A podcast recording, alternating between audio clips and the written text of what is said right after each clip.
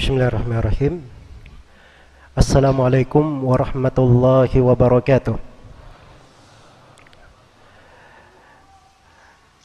Alhamdulillahi hamdan yaliku bi jalalihi wa azamatihi.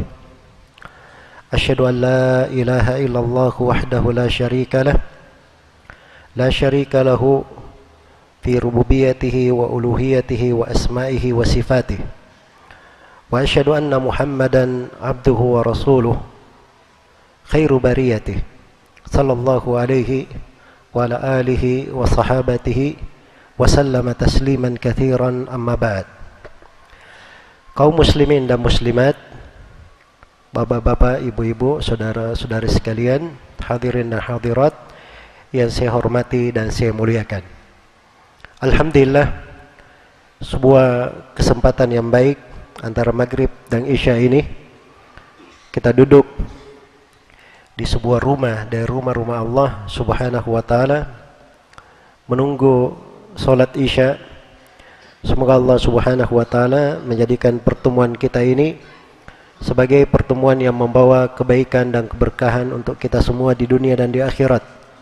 Sebagai sebab yang mengangkat derajat kita dan menggugurkan dosa-dosa kita dan semoga Allah Subhanahu wa taala selalu menerangi hati-hati kita semua dengan cahaya keislaman dan sunnah dan menguatkan kita di kehidupan dunia pada hal yang dicintai dan diridhai oleh Allah Subhanahu wa taala.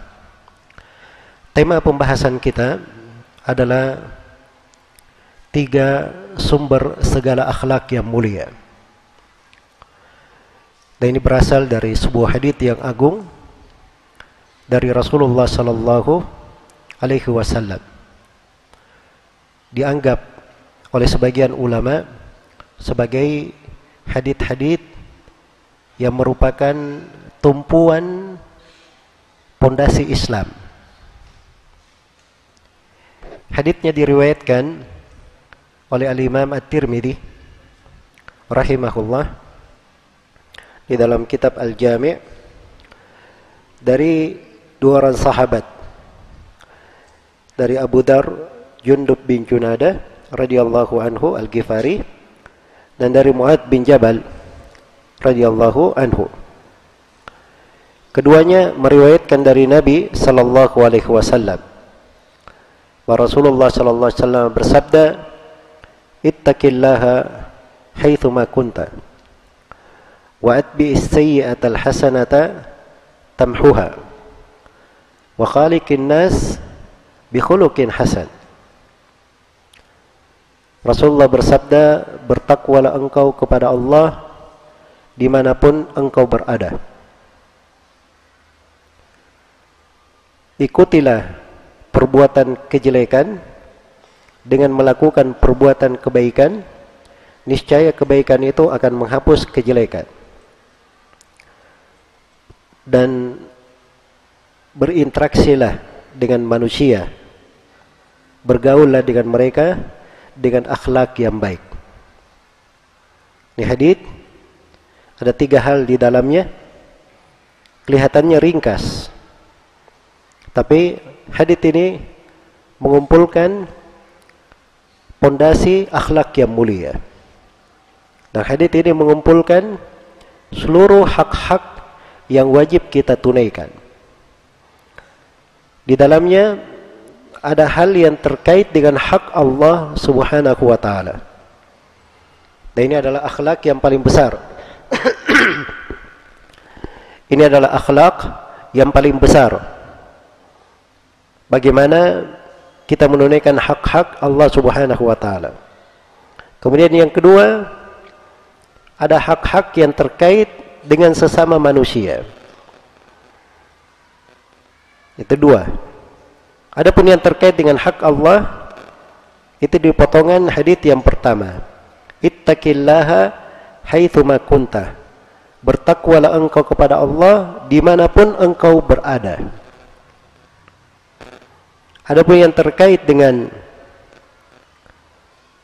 hak kaum mukminin maka ada ada dibagi di sini menjadi dua. Ada akhlak terkait dengan diri sendiri Dan ada akhlak terkait dengan orang lain.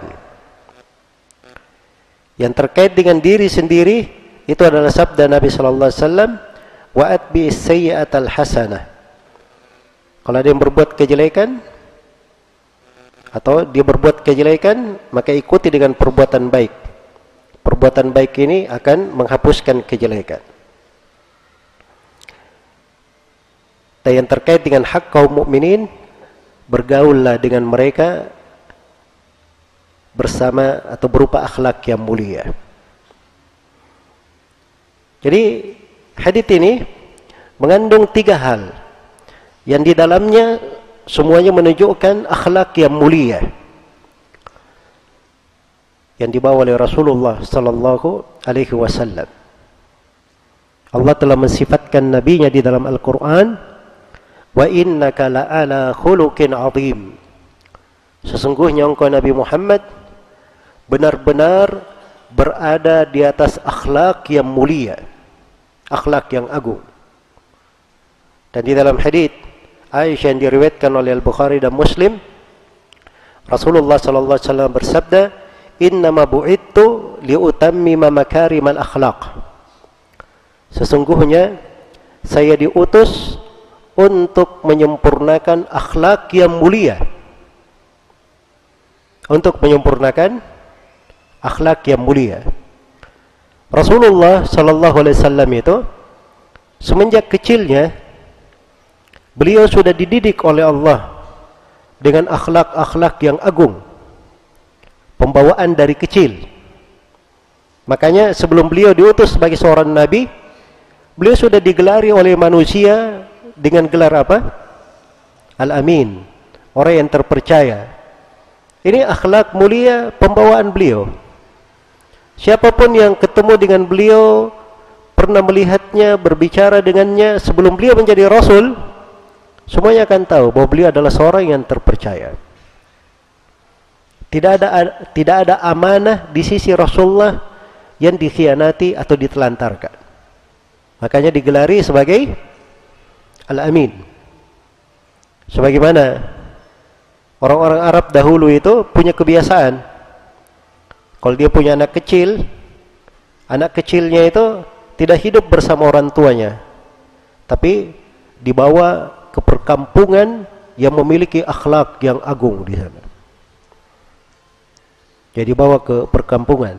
Sungguhnya engkau Nabi Muhammad benar-benar berada di atas akhlak yang mulia, akhlak yang agung. Iya. Karena itu tidak mungkin Nabi sallallahu alaihi wasallam punya akhlak yang jelek. Walaupun hal tersebut semacam kecilnya sebelum beliau diutus sebagai seorang rasul. Bersamaan dengan akhlak yang mulia ini, Allah Subhanahu wa taala menambah beliau dengan akhlak-akhlak yang lain sehingga sempurnalah akhlak itu dibawa oleh Rasulullah sallallahu alaihi wasallam.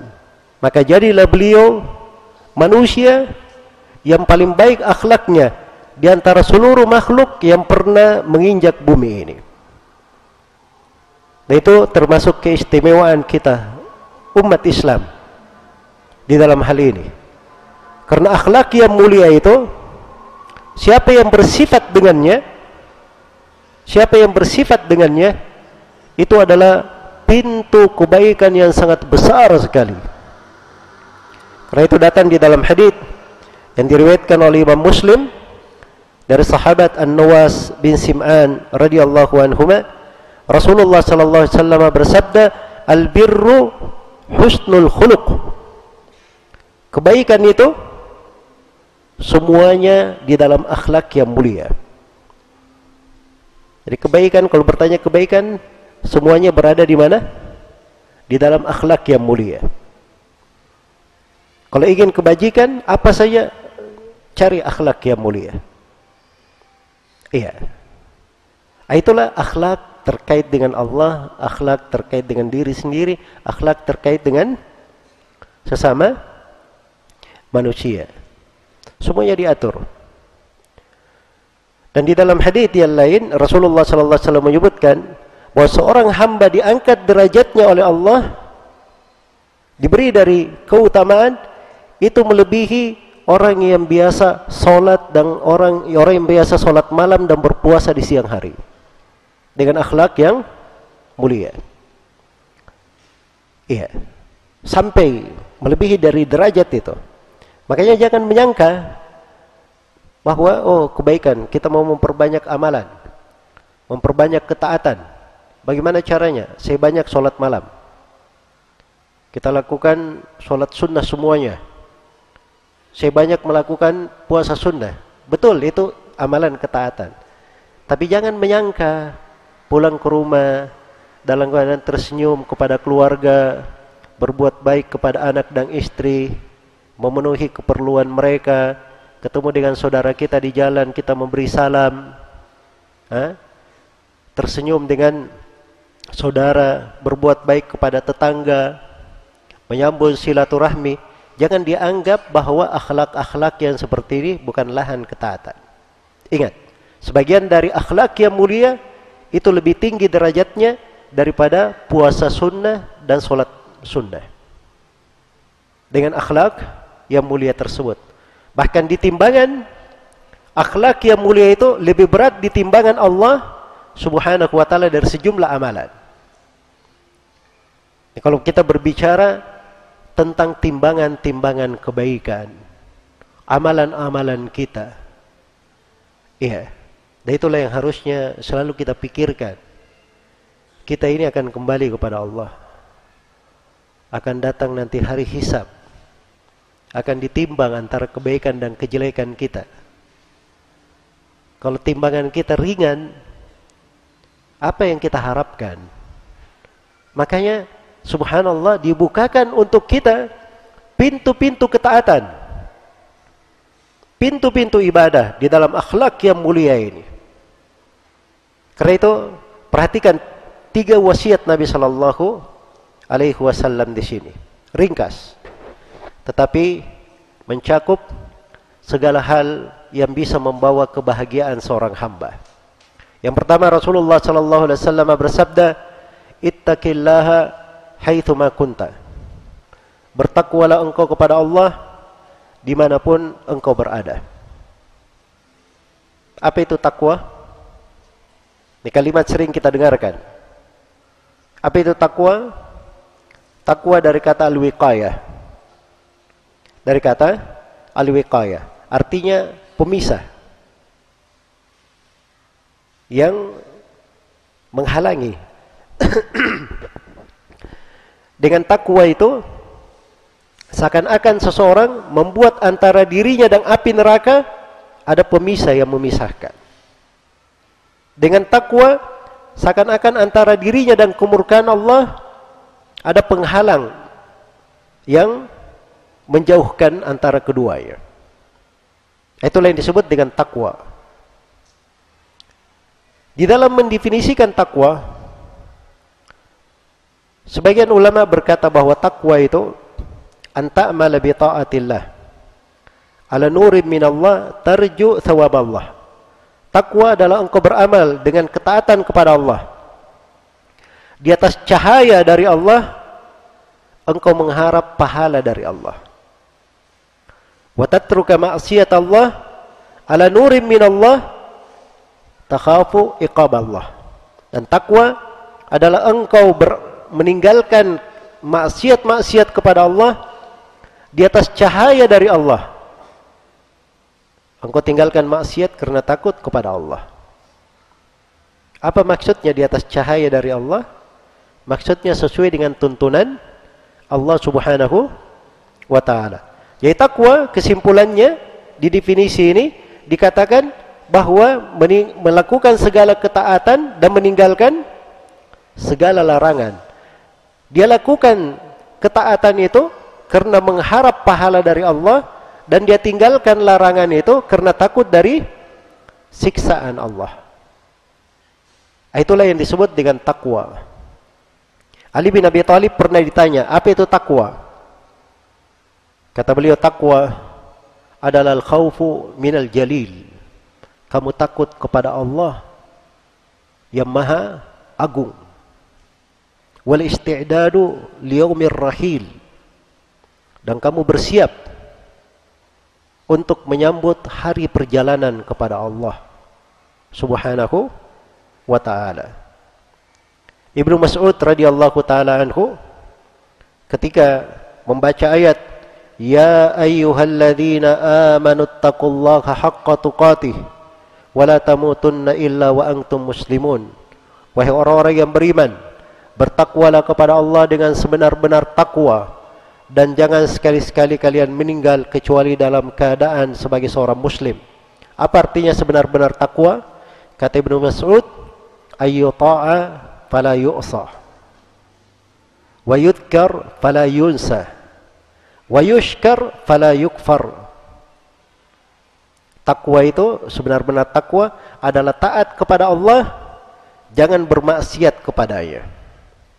Selalu berzikir mengingat Allah, jangan pernah melupakannya. Dan selalu bersyukur terhadap segala nikmat Allah, jangan pernah kafir terhadap nikmat apa pun. Inilah yang disebut oleh Ibnu Mas'ud dengan ketakwaan sebenar-benar ketakwaan bertakwa kepada Allah dengan sebenar-benar takwa. Iya. Kalau kita sudah mengetahui definisi takwa ini, bagaimana takwa tersebut, maka perhatikanlah perintah Nabi sallallahu alaihi wasallam. Kalau kita baca hadis-hadis seperti ini mengandung perintah bagi seorang muslim dan muslimah, itu harusnya dia bayangkan Nabi berdiri di depannya. Dia panggil namanya. Kamu Muhammad. Bertakwalah kepada Allah di mana pun kamu berada. Bayangkan Nabi yang berbicara seperti itu kepada kita. Kira-kira bagaimana? Hah? Kita dengar atau tidak? Iya, kita ingat pesannya. Harusnya kita ingat sepanjang kita hidup. Itu sebenarnya wejangan Nabi itu untuk setiap orang dari umatnya. Jadi kalau ada hadis dibaca, jangan selalu berpikir, oh ini hadis untuk orang lain. Ya pertama, kita anggap dulu diri kita. Kita diperuntuk, hadis ini diperuntukkan untuk kita. Kalau kita selalu membayangkan seperti itu, maka itu insya Allah Taala akan membuat hadit-hadit itu lebih agung dan lebih besar kedudukannya di dalam hati. Iya. Maka Nabi bersabda ittaqillaha haitsuma kunta. Bertakwalah kepada Allah di mana pun kamu berada. Takwa kepada Allah. Dalam keadaan sendiri, dalam keadaan di keramaian, dalam keadaan mukim, dalam keadaan perjalanan, di tengah keluarga maupun di tengah kawan-kawan. Sebagai seorang yang memiliki kedudukan atau sebagai orang yang biasa di kondisi apa pun di keadaan apa pun di tempat apa pun bertakwalah kepada Allah. Itu kunci keselamatan.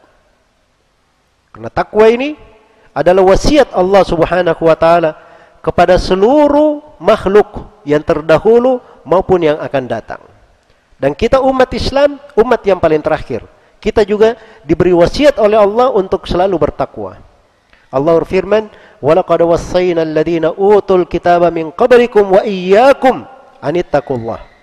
Sungguh kami telah berwasiat kepada ahlul kitab sebelum kalian dan juga kepada kalian wahai umat Islam hendaknya kalian bertakwa kepada Allah Subhanahu wa taala. Takwa siapa yang bertakwa kepada Allah menjalankan segala perintah, meninggalkan segala larangan, maka Allah Subhanahu wa taala akan memberikan untuknya berbagai kebaikan. Di dalam Al-Qur'an saya itu ada sebagian ulama yang menulis buku di masa sekarang, Syekh eh, Muhammad bin Saleh Al-Utsaimin beliau menulis buku judulnya Fawaidut Taqwa. Manfaat-manfaat takwa. Beliau sebutkan 100 manfaat takwa dari ayat-ayat Al-Qur'an saya. Hanya dari mana? Ayat-ayat Al-Qur'an. 100 manfaat takwa. Di antara manfaat takwa tersebut Allah Subhanahu wa taala berfirman, "Ya ayyuhalladzina amanu taqullaha wa aminu bi rasulih yu'tikum kiflaini min rahmati wa yaj'al lakum nuran tamshuna bihi wa yaghfir lakum wallahu ghafurur rahim." Wahai orang-orang yang beriman, bertakwalah kalian kepada Allah dan berimanlah kepada Rasulnya maka pasti Allah akan memberi untuk kalian dua bahagian dari rahmatnya. Siapa yang ingin selalu dirahmati oleh Allah, maka perhatikan diri di atas ketakwaan. Semakin seorang itu berada di atas ketakwaan, maka rahmat Allah akan selalu akan semakin selalu bersamanya. Diberi dua bahagian dari rahmat. Bukan sembarangan. Bagaimana perhatian Allah kepadanya. Kemudian dia diberi cahaya, berjalan dengan cahaya tersebut. Manusia dalam kegelapan, dia ada cahaya meneranginya. Dia bisa melihat jalan itu. Itulah orang yang bertakwa. Dengan ketakwaannya, dia bisa memiliki banyak solusi. Ada jalan keluar terhadap masalah-masalah yang dia lalui. Karena itu di ayat yang lain, Allah Subhanahu wa taala berfirman, "Wa may yattaqillaha yaj'al lahu makhraja wa yarzuqhu min haitsu la yahtasib." Barang siapa yang bertakwa kepada Allah, maka Allah akan adakan untuknya jalan keluar dan dia akan diberi rezeki dari arah yang tidak pernah dia sangka. Iya. Takwa itu cahaya. Ada masalah apa saja bisa diselesaikan dengan ketakwaan. Kemudian yang ketiga, wayaghfir lakum dan akan diampuni dosa-dosa kalian. Itu sebab pengampunan dosa. Sebab pengampunan dosa. Semakin seorang itu menjalankan apa yang diperintah, semakin gigih dia meninggalkan apa yang dilarang, maka itu adalah sebab pengampunan untuknya. Hal yang menggugurkan dosa-dosanya. Makanya wajar kalau Nabi berkata, Ittaqillaha haitsu makunta. Bertakwalah kepada Allah di mana pun engkau berada. Iya. Ketakwaan kepada Allah itu penting di mana pun kita berada. Karena diri ini perlu rahmat Allah di mana pun dia berada. Dan kita ini memijak bumi. Ada tanah yang kita pijak. Ini negeri yang kita pijak adalah negeri kaum muslimin hidup di dalamnya. Kalau kita bertakwa kepada Allah, maka akan turun kebaikan juga di negeri yang kita pijak. Iya. Karena itu Allah Subhanahu wa taala berfirman, "Walau anna ahlal qura amanu wattaqau lafatahna anhum barakat lafatahna lahum barakatim minas samai wal ard Andai kata penduduk negeri beriman dan bertakwa, kami akan bukakan untuk mereka berkah-berkah dari langit dan bumi. Berkah-berkah dari mana? Langit dan bumi. Itu dengan takwa. Dengan takwa seseorang akan meraih derajat kewalian. Ya. Derajat apa? Kewalian. Wali di sisi Allah. Ya, jangan ada yang menyangka wali itu keturunan. Kalau dia keturunan begini, punya nasab begini, maka dia adalah wali. Itu tidak ada hitungannya di dalam syariat. Bahkan dalam hadis riwayat Bukhari dan Muslim, Nabi berkata, keluarga fulan keluarga fulan ada hubungan kerabat dengan Nabi. Itu bukan waliku. Kata Nabi. Wali saya adalah al-muttaqun. Waliku kata Nabi orang-orang yang bertakwa. Mau menyambung kerabat dengan Nabi, jalurnya adalah jalur takwa. Jalur takwa. Karena itu dengan takwa ini seorang dikumpulkan bersama Nabi sallallahu alaihi wasallam. Iya. Dengan takwa seorang menyeraih derajat kewalian. Allah berfirman, "Ala inna awliya Allah la khaufun 'alaihim wa la yahzanun, alladzina amanu wa kanu yattaqun." Ketahuilah bahwa wali-wali Allah itu tidak ada rasa takut terhadap mereka dan tidak ada pula rasa khawatir. Siapa wali-wali Allah ini? Orang-orang yang beriman lagi bertakwa. Sebutkan syaratnya, keimanan dan apa? Ketakwaan. Maka siapa yang bertakwa kepada Allah, dia adalah wali Allah. Dia adalah wali Allah Subhanahu wa taala. Bukan dari syarat orang yang bertakwa dia tidak pernah jatuh di dalam dosa. Jadi jangan berkata wali itu ini sudah kebal dosa atau sudah apa? Maksum dari dosa. Itu tidak ada ceritanya seperti itu. Iya, para nabi saja ada melakukan kesalahan. Iya. Karena itu di hari kiamat Nabi Adam hanya menyebut kesalahan yang pernah dia lakukan ketika diminta oleh manusia supaya memohon kepada Allah, hisab disegerakan. Nabi Adam berkata, saya pernah berbuat dosa. Maka hari ini saya hanya memikirkan diriku, diriku, dan diriku. Pergi kalian kepada Nabi Nuh. Jelas ya? Baik. Apalagi manusia. Kita, orang yang berbuat dosa siang dan malam. Banyak kekeliruan dan kesalahan. Iya. Karena itu, wali-wali itu bukan dari syaratnya dia tidak pernah jatuh di dalam dosa. Tapi wali itu adalah siapa yang kalau dia jatuh di dalam dosa, dia segera bertobat kepada Allah Subhanahu wa taala dan tobat itu pintu ibadah yang lain. Bentuk dari ketakwaan juga. Karena itu dalam Al-Qur'an Allah berfirman, "Innal ladzina taqau idza massahum ta'ifun minasyaitani tadakkaru fa idahum mubsirun." Sungguhnya orang-orang yang bertakwa kalau mereka kena gangguan syaitan, akhirnya jatuh dalam dosa, jatuh dalam kekeliruan, mereka segera mengingat. Itu keistimewaan takwanya. Ya, walladzina idza fa'alu fahishatan aw dhalamu anfusahum dzakarullaha fastaghfaru lidunubihim wa lam yusirru ala ma fa'alu wa may yaghfiru dzunuba illa Allah wa lam yusirru ala ma fa'alu wa hum ya'lamun. Orang yang beriman itu apabila dia melakukan kekejian atau mendolimi diri mereka, mereka segera mengingat Allah. Lalu segera beristighfar. Ah, itu orang yang bertakwa. Kalau diganggu oleh syaitan, dia segera mengingat. Nah, begitu dia mengingat, faidahum mubsirun. Nah, itu yang membedakan.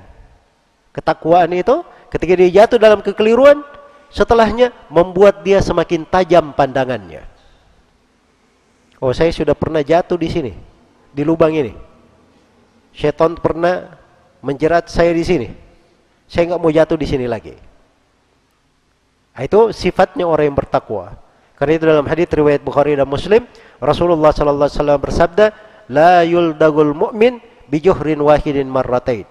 Seorang mukmin itu tidaklah terjatuh di dalam lubang binatang buas sebanyak dua kali.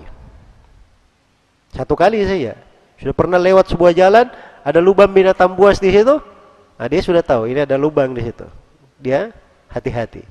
Nah, itu ketakwaan. Iya. Dan bagaimana indahnya takwa tersebut. Dengan takwa itu seseorang bisa membedakan antara yang hak dan yang batil. Dengan takwa itu dia akan membuat hidupnya semakin nikmat.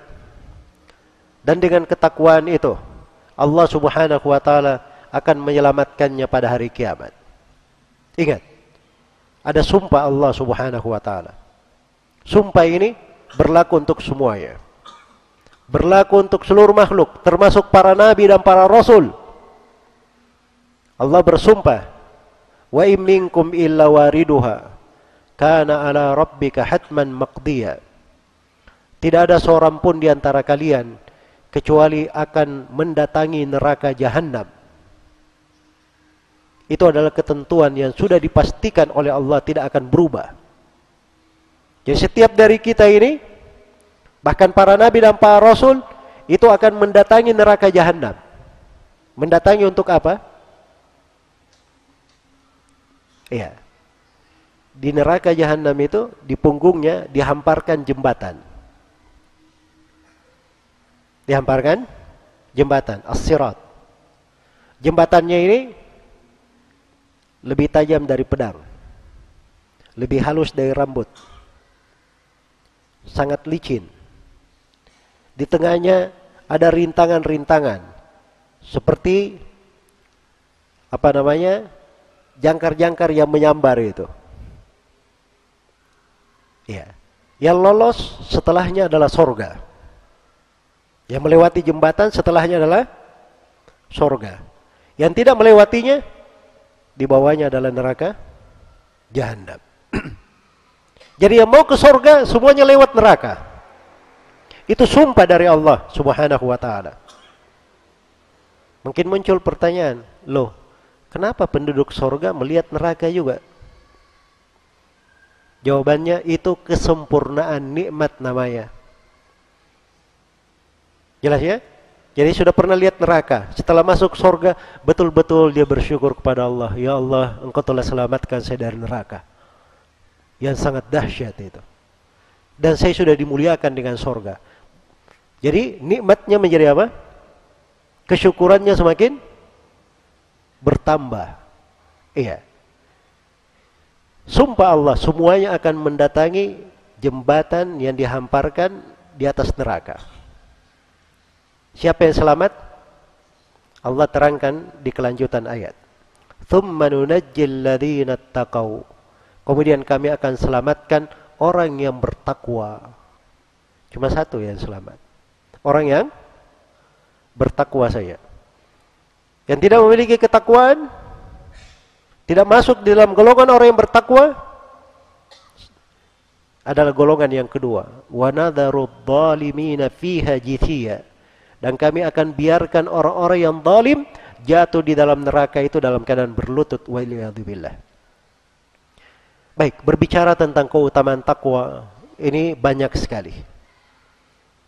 Dan takwa yang paling pokok kepada Allah, akhlak kita kepada Allah dan itu adalah hak Allah terhadap setiap hamba.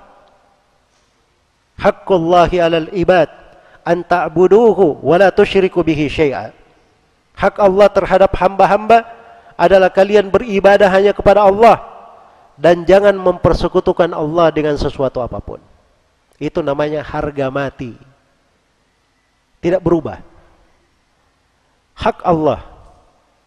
Siapa yang berbuat kesyirikan sedikit saja maka dia menjadi penghuni neraka kekal di dalamnya.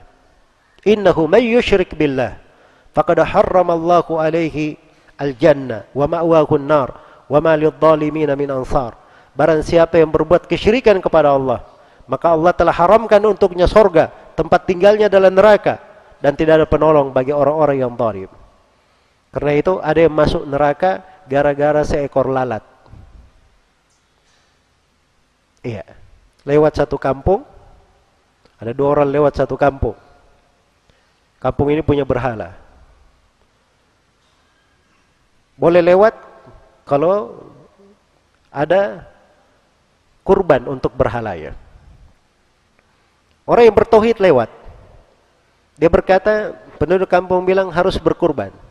Kata orang yang bertohid, saya tidak punya duit dan saya tidak akan berkurban menyembelih untuk siapa pun kecuali hanya untuk Allah. Maka dia pun dibunuh. Masuk surga gara-gara seekor lalat. Tapi kebalikannya, dia lewat, Penduduk kampung berkata harus menyembelih. Walaupun seekor lalat. Diambil seekor lalat, dia sembelih.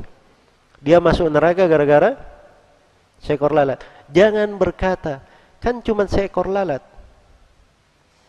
Di situlah takwa namanya. La tamdurul ila sigoril ma'asiyah. Undur ila man asait. Jangan kamu lihat kepada kecilnya maksiat. Tapi lihat kamu itu bermaksiat kepada siapa. Kepada Allah kamu bermaksiat. Apalagi kesyirikan, itu hak Allah Subhanahu wa taala. Allah tidak ridha diberikan kepada siapa pun. Makanya kalau ada yang berdoa kepada Nabi sekalipun dia datang ke ke, ke Medina, terus dia berdoa, "Ya Rasulullah, mudahkan saya di urusan kehidupan dunia saya." Maka itu musyrik keluar dari Islam.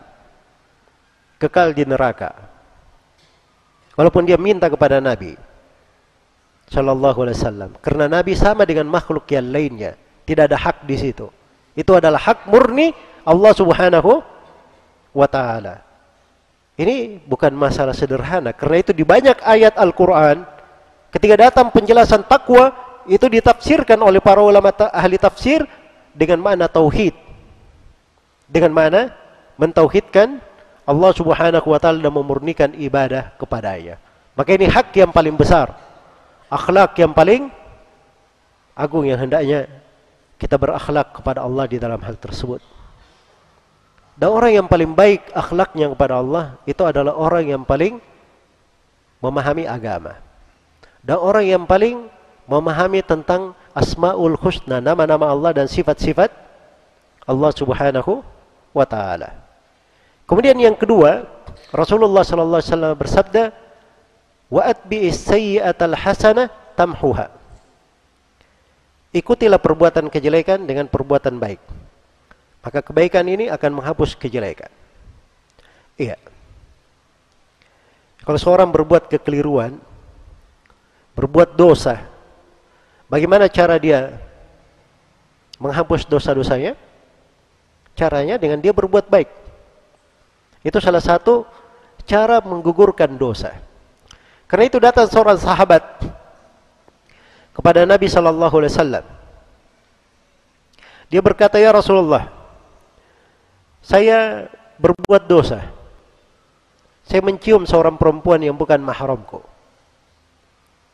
Maka Nabi sallallahu alaihi wasallam terdiam. Maka turunlah ayat Al-Qur'an. Iya. Turun ayat Al-Qur'an, "Aqimis salata tarafain nahari wa zulafan minal lail." Innal hasanati yudhibna sayyiat.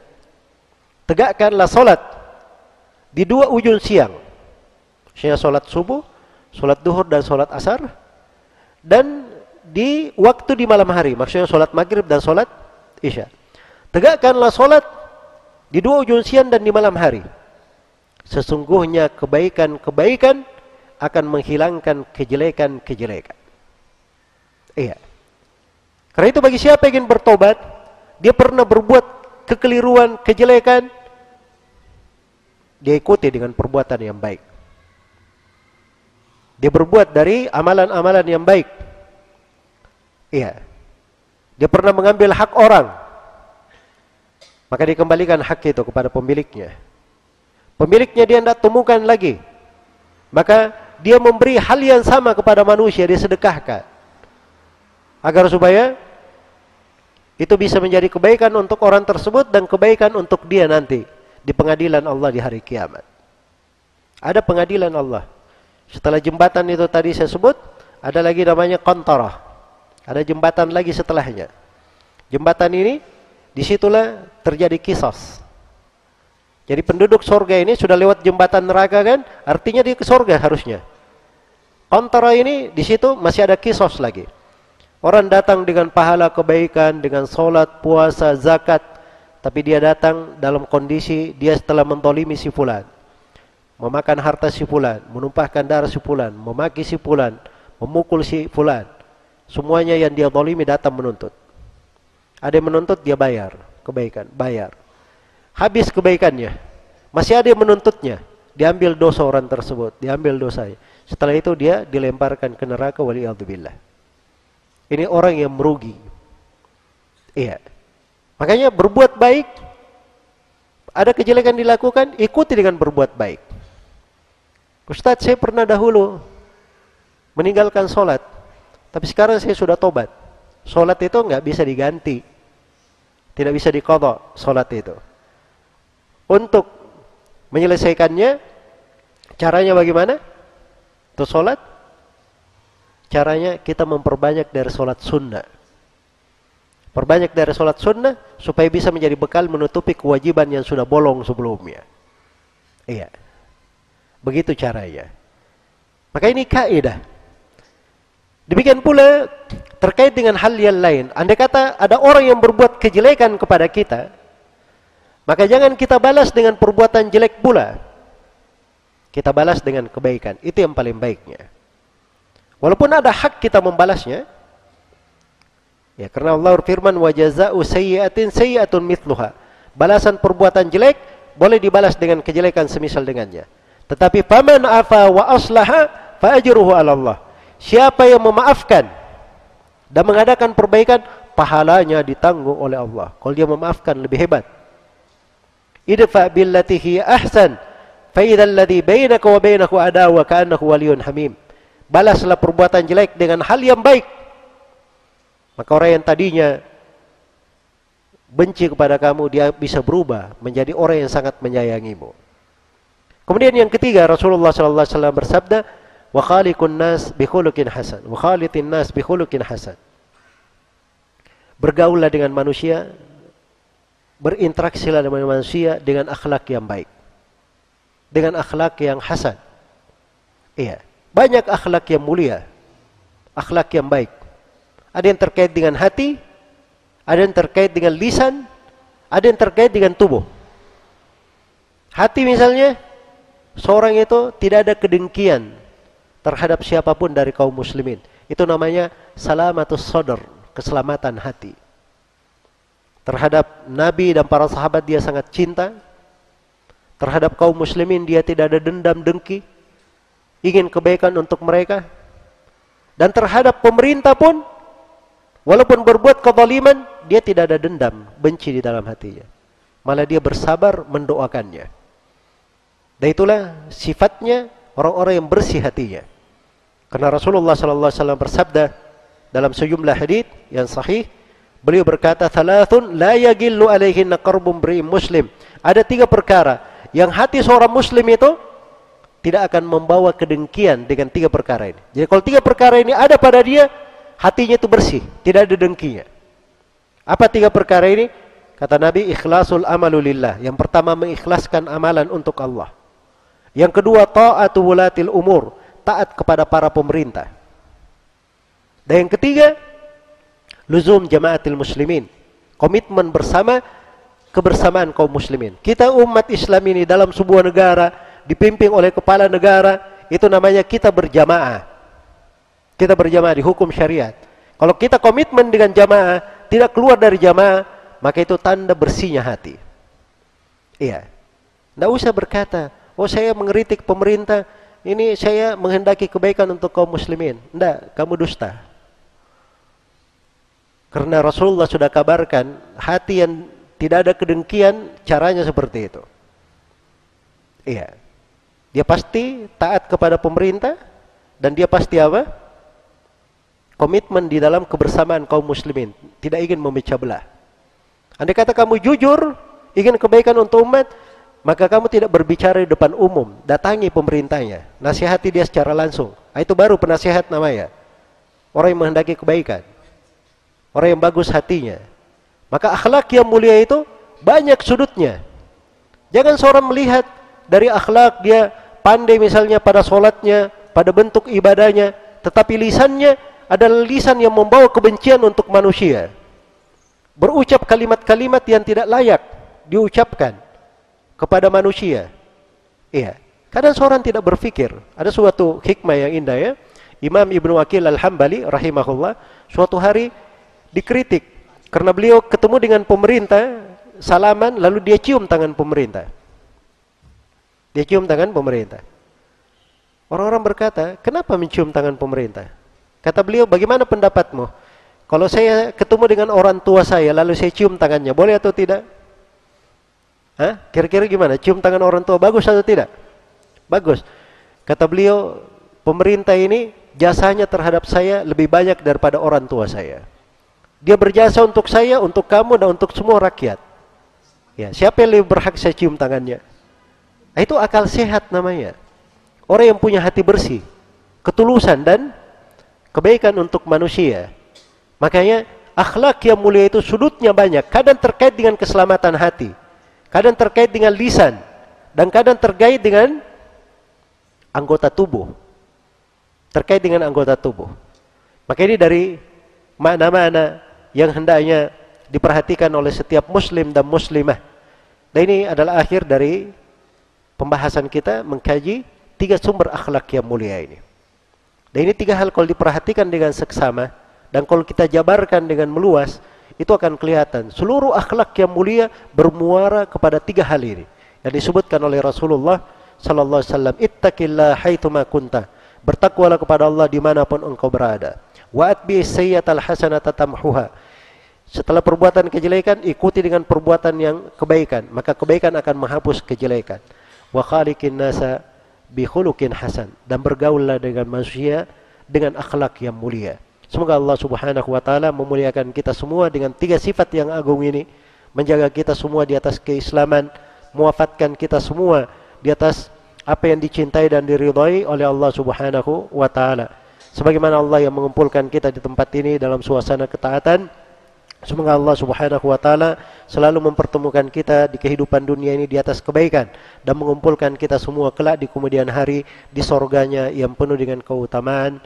Innahu waliyyu dzalika wal qadiru alaihi wallahu taala alam.